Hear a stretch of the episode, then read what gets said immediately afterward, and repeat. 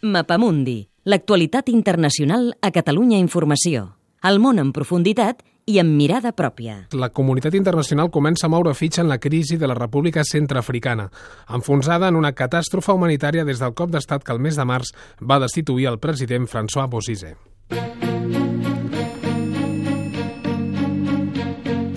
Tant els Estats Units com França han alertat que la República Centroafricana és a les portes d'un genocidi. Ils ont tué les musulmans, ils ont. Aquest ciutadà d'aquest país denunciava saquejos, atacs, els enfrontaments entre milícies cristianes i rebels musulmans han crescut en els últims mesos. Centenars de milers de persones necessiten ajuda. Cèlia, explica'ns, què, què està passant a la República Centroafricana? Doncs l'origen de la crisi actual és el cop d'estat contra Bozizé liderat per la coalició rebel Seleka, que significa aliança en Sango i que sobre el paper ha constituït un govern de transició fins a la convocatòria d'eleccions. A la pràctica, però, les milícies rebels estan acusades de greus violacions a drets humans, el que en francès s'anomenen exaccions i que inclouen execucions extrajudicials i desaparicions forçoses. La població civil s'ha hagut d'organitzar en grups d'autodefensa, els anomenats antibalaca o antimachet.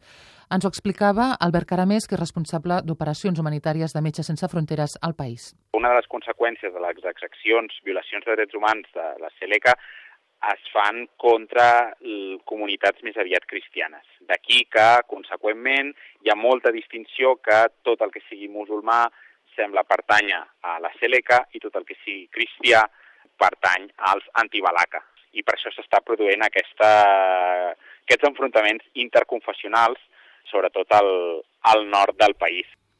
Estem parlant d'assassinats, pillatges, pobles fantasma... La situació encara queda molt i molt volàtil i la, la població és la que es veu la més afectada, amb un desplaçament massiu a l'interior de la selva i sense tenir cap accés als serveis bàsics com als serveis de, de salut. Es calcula que més de 400.000 persones estan desplaçades en un país de 4 milions d'habitants i un terç de la població necessita ajuda humanitària bàsica.